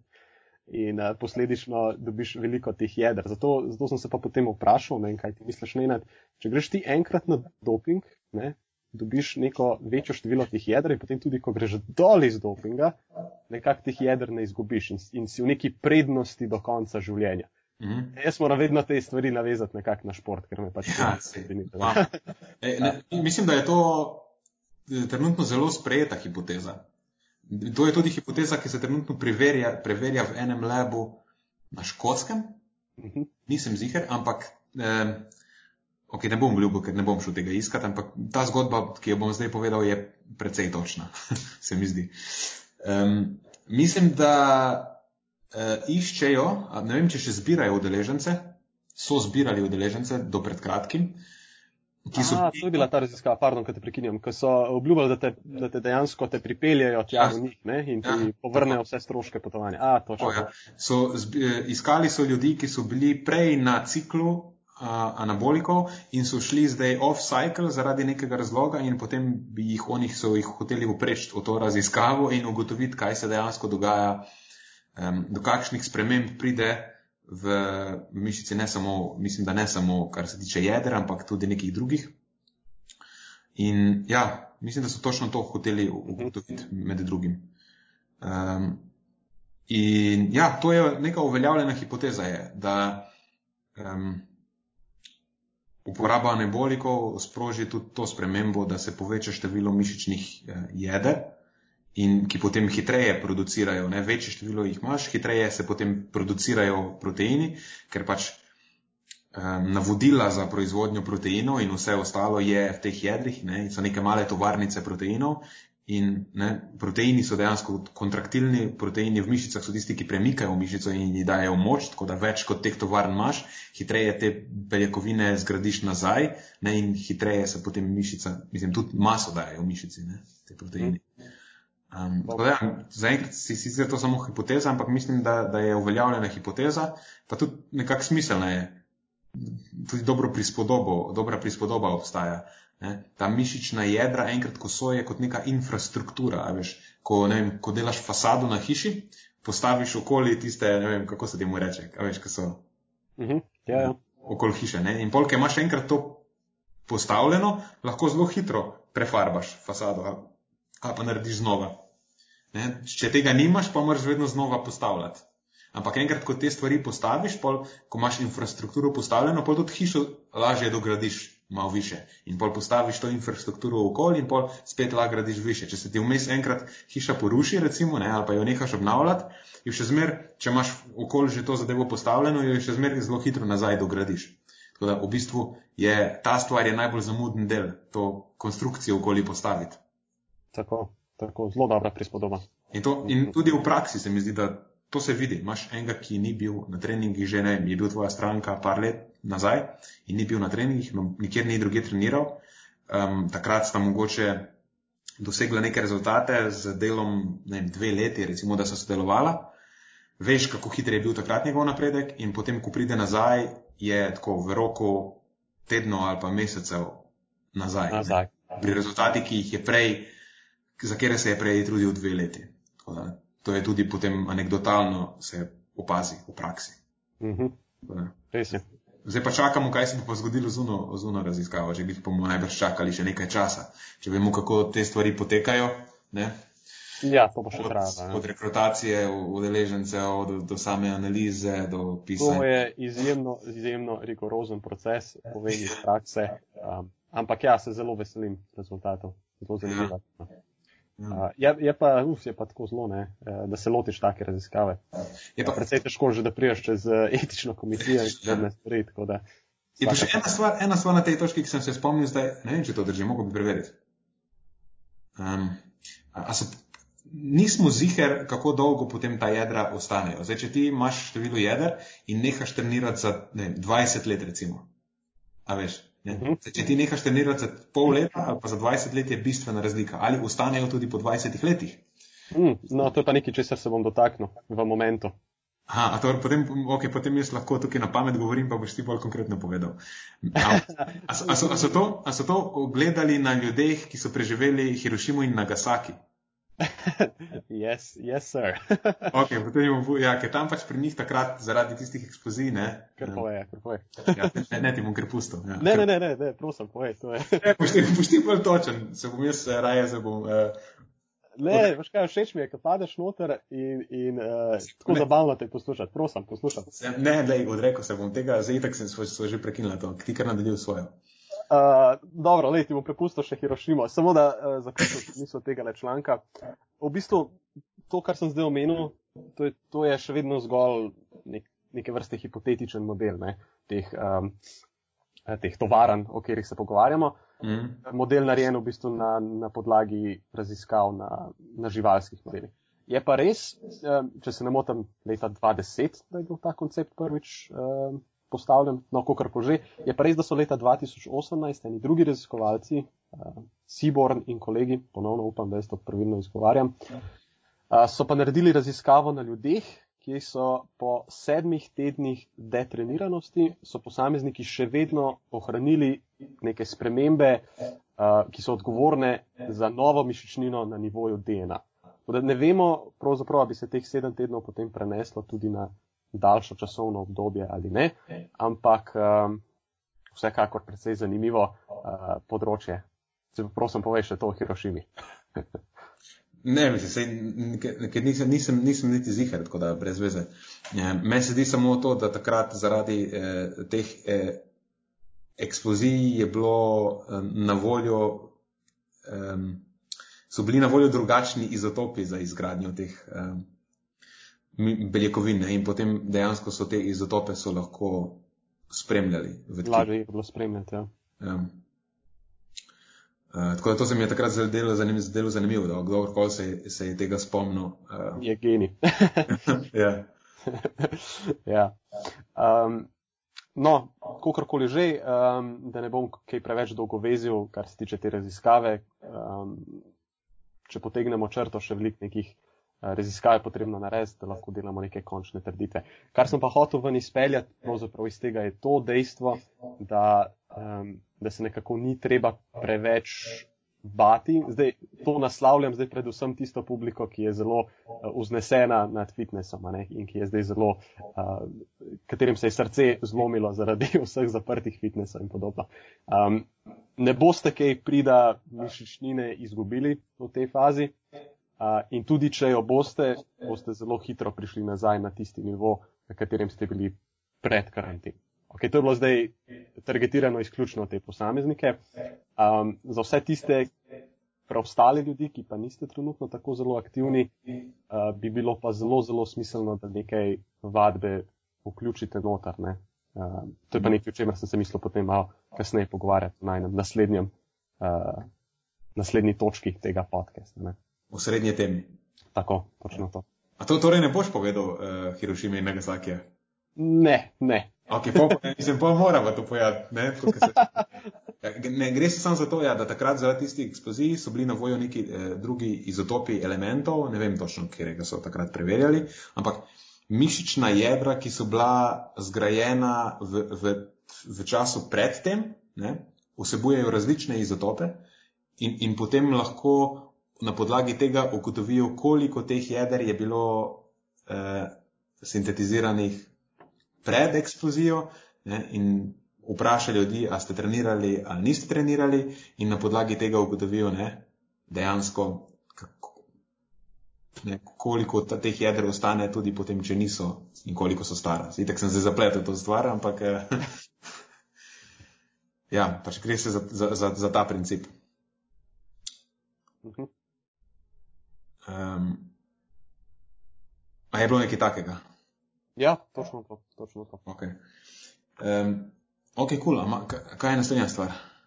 Um, naslednja stvar je pa malce izven uh, domene teh uh, eh, raziskav in je samo neka moja taka la, lastno opažanje in to je, kako, uh, kako si lahko pravzaprav otežiš trening zunaj. V bistvu sem bil presenečen nad tem, kako kvalitetne treninge se da izvajati na prostem, brez nekih posebnih uh, aparatur in podobno. Ne samo potrebno je vklopiti malo uh, domišljije. Ja.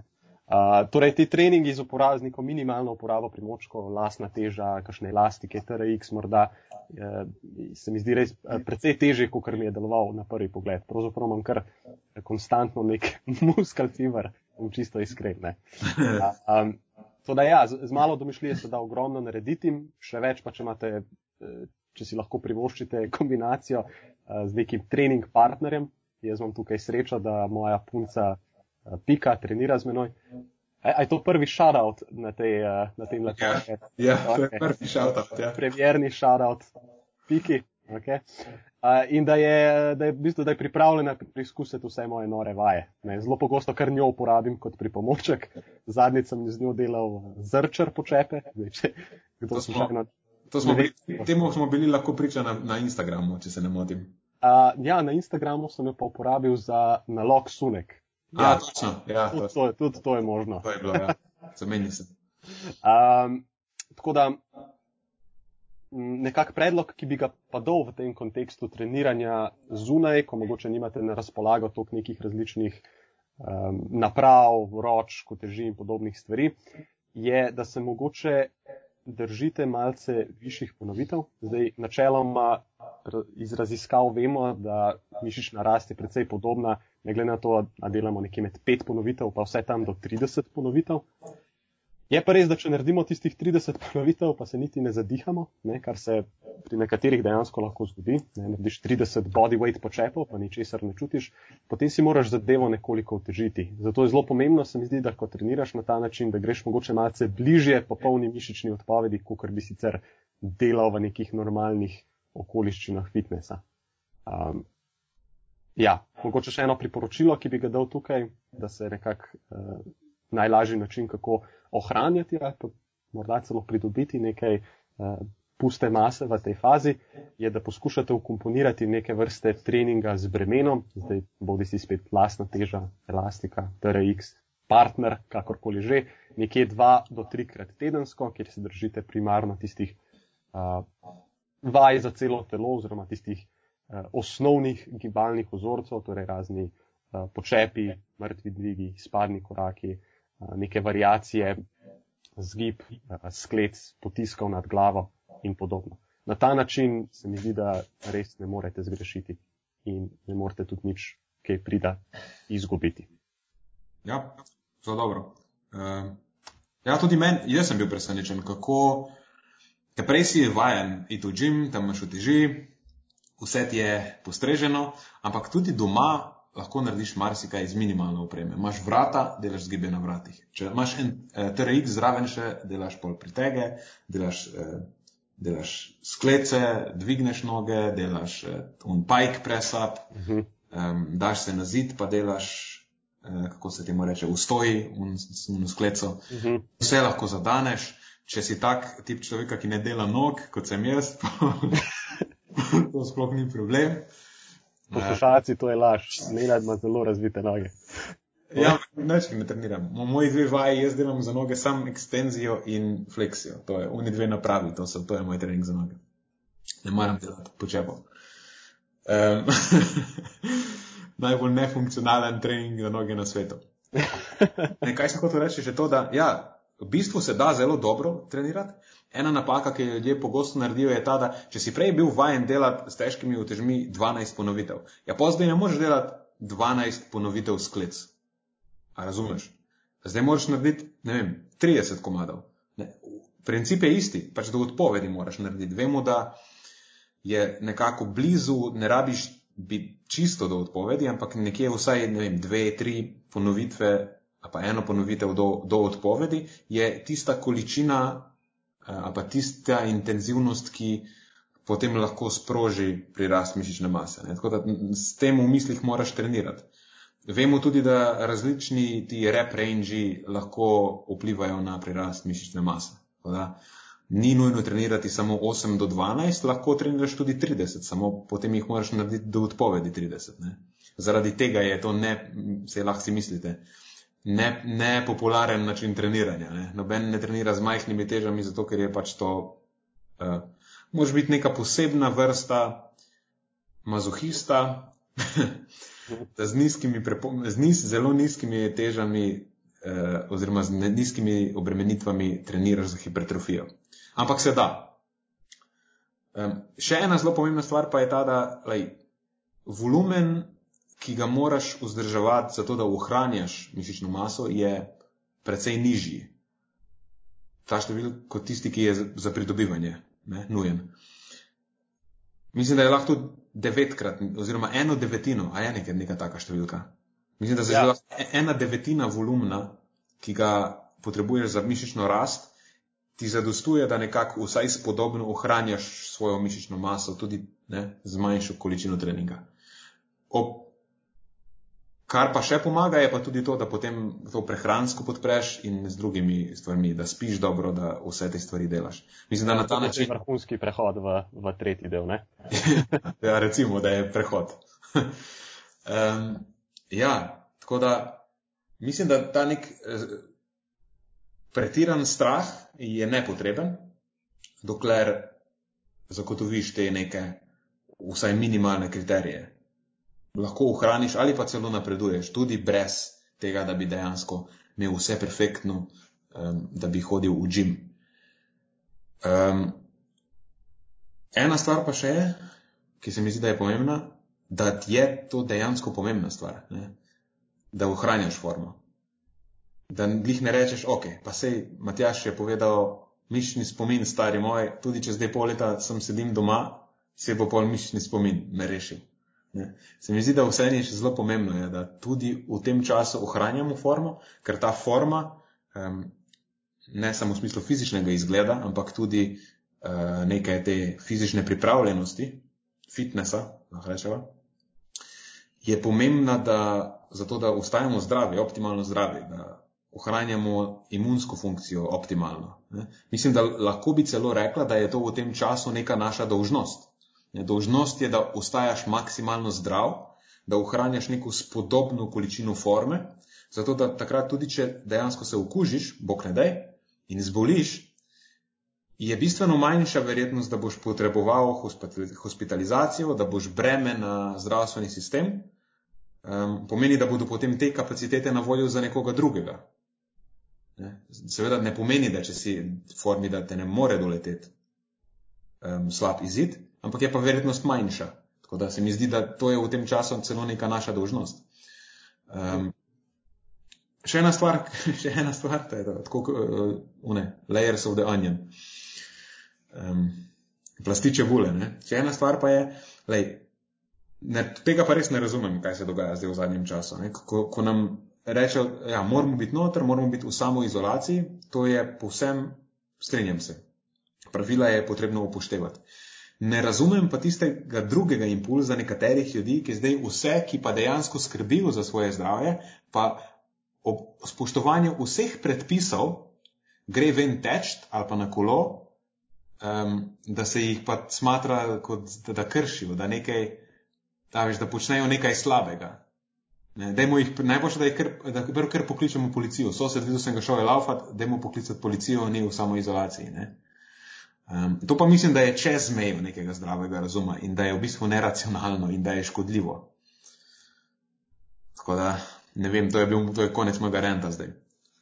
Ne, to je zelo, to zelo pomembno, da si izpostavil, ker to je, to je čisto kontraproduktivno trenutnemu stanju. Ja, a, a zelo, zelo zanimivo razmišljanje tokrat, uh, tokrat se spravljamo v formo ne samo za sebe, ampak tudi za, za druge ljudi okoli sebe, za, za spremembo. Če glih, v resnici bi je vedno tako. Uh, tudi v nekih normalnih razmerah je recimo stanje, kot so diabetes, debelost, take stvari, so pač breme in na zdravstveni sistem, in na ekonomijo če gledamo, kam gre ne, davkoplačevalski denar, ki ga vsi plačujemo, ne, gre tudi za zdravljenje teh stvari, se mora zapravljati.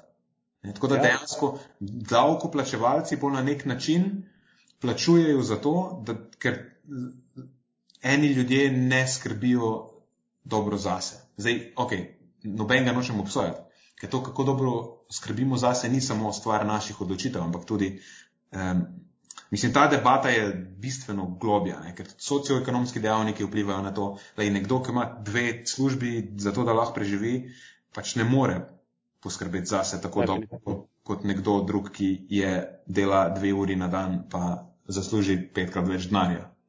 Ni, ni isti uh, playing field.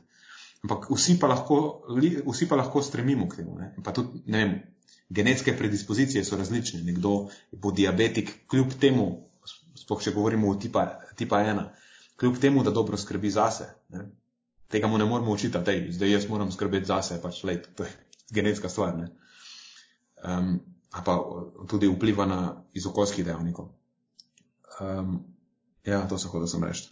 Hmm. Ja, v, nekih normalnih, v nekih normalnih razmerah to, da poskrbimo zase, ni samo Ne, se ne, ne skrbimo s tem samo zase, ampak prispevamo k zdravje družbe kot celote. Mislim, da američani, dobro, sicer ne vem, kako zdaj potem, potem cele eh, korona zadevi njihove projekcije izgledajo, ampak vem, da že predtem so bile zelo črne. Um, pa oni ne namenjajo na individualni ravni veliko denarja za neko socialno um, zdravstvo. Uh, in tudi pri njih so, niso vedeli, kako bom, ne vem, čez par let oziroma desetletij njihov zdravstven sistem lahko shendlal, uh, oziroma kako bo lahko kos tej naraščajoči prevalenci diabetesa in debelosti in vseh ostalih stanj, ki potem sledijo temu. Tako da so imeli neki zelo črn scenarij um, predstavljen. Ne vem pa, kako zdaj to zgleda, po mojem, še bolj katastrofalno. Ja, po vsej vrednosti. Ja. Ja. Ja. Tako okay. da, ja, pač, pač, ja, skrbimo zase, upoštevajmo situacijo, v kateri smo trenutno, pač le nekaj stvari ne moramo delati, nekaj stvari lahko delamo. Um, ja, ne vem.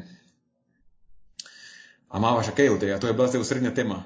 To je bil, mogoče bil to vadbeni del osrednje teme. Mogoče bi sam še kakšno besedo povedala o, Aha, o prehrani. Ja. Mogoče kaj o spanju, take stvari, čisto osnovne.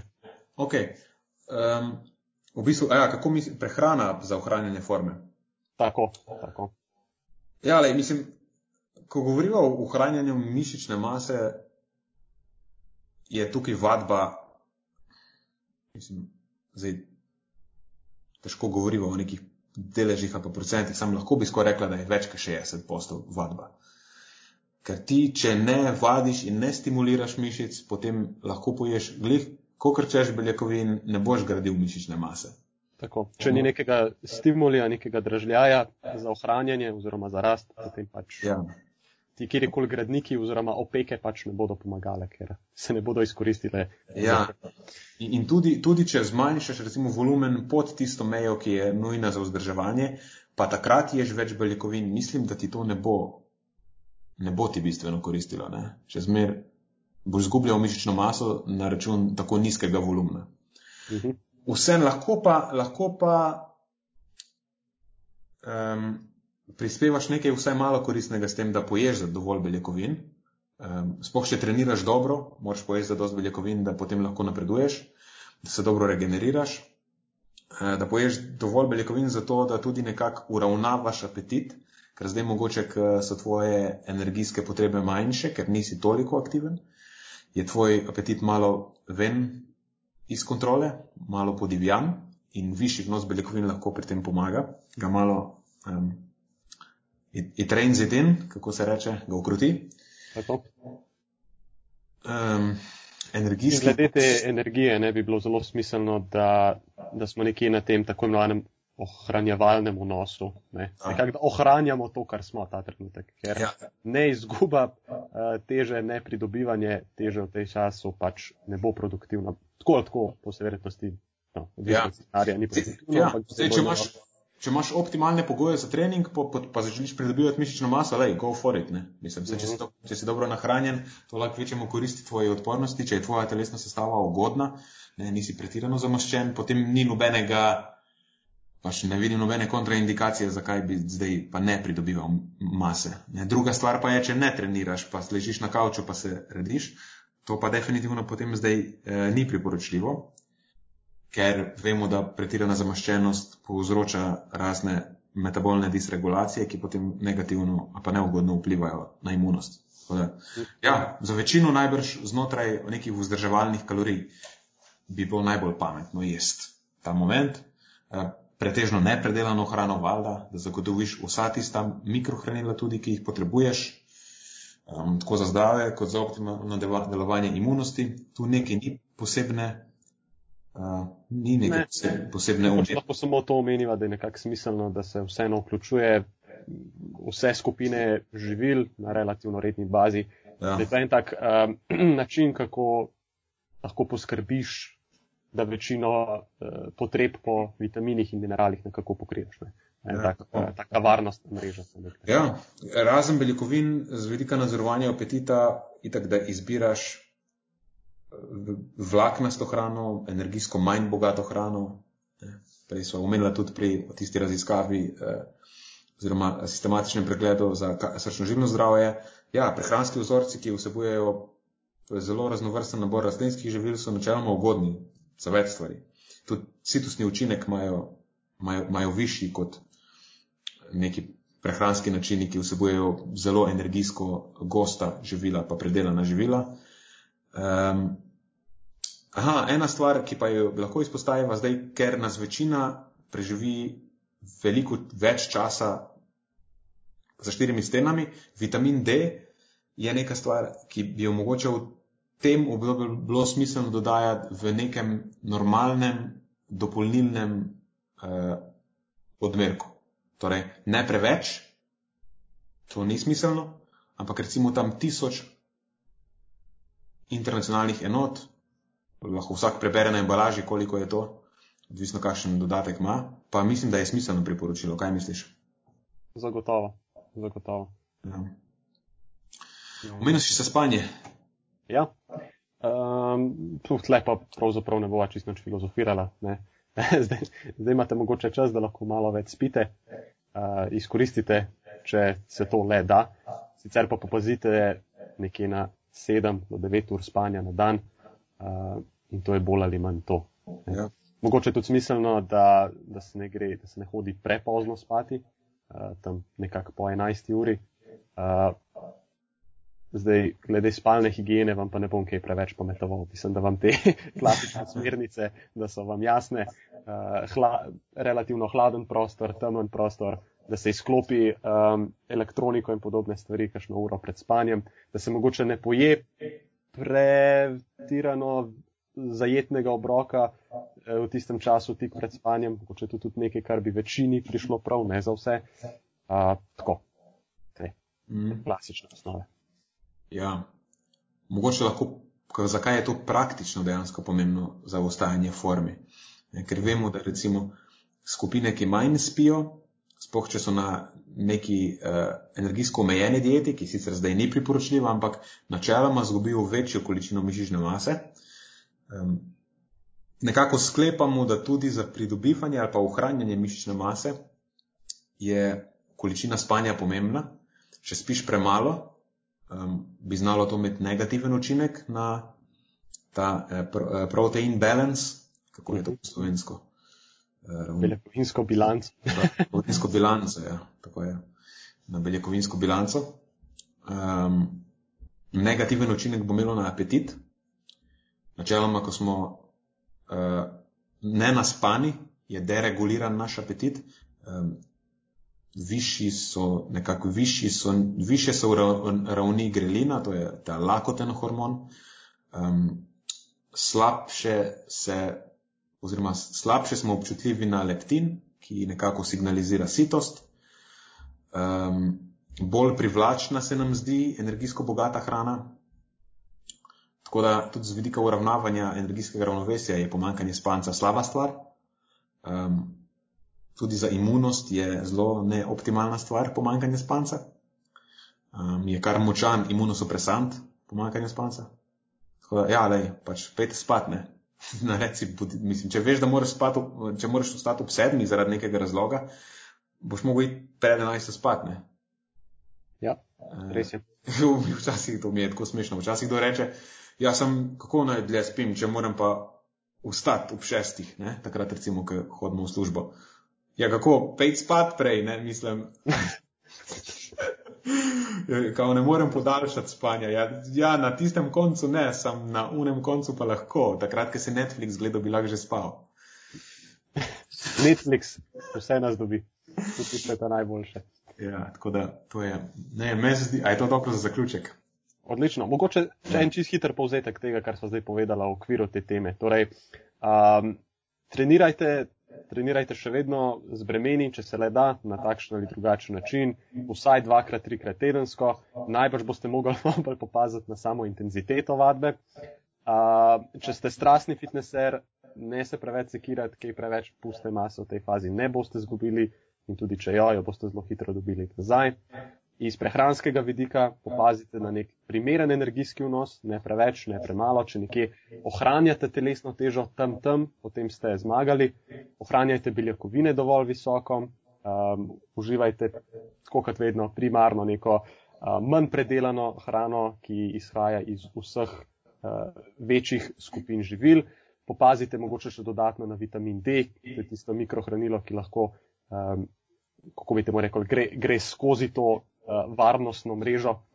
Um, dopolnjuje se pa tam nekje v rangu tisočih um, internacionalnih enot dnevno in pa poskrbite za dovolj spanja. Ej, prva liga. Ok, odlično, me veseli. Tako da zdaj nam je pa ostal samo še avto, zaključek. Oziroma, Ne moram verjeti, da ga nisva pozabila.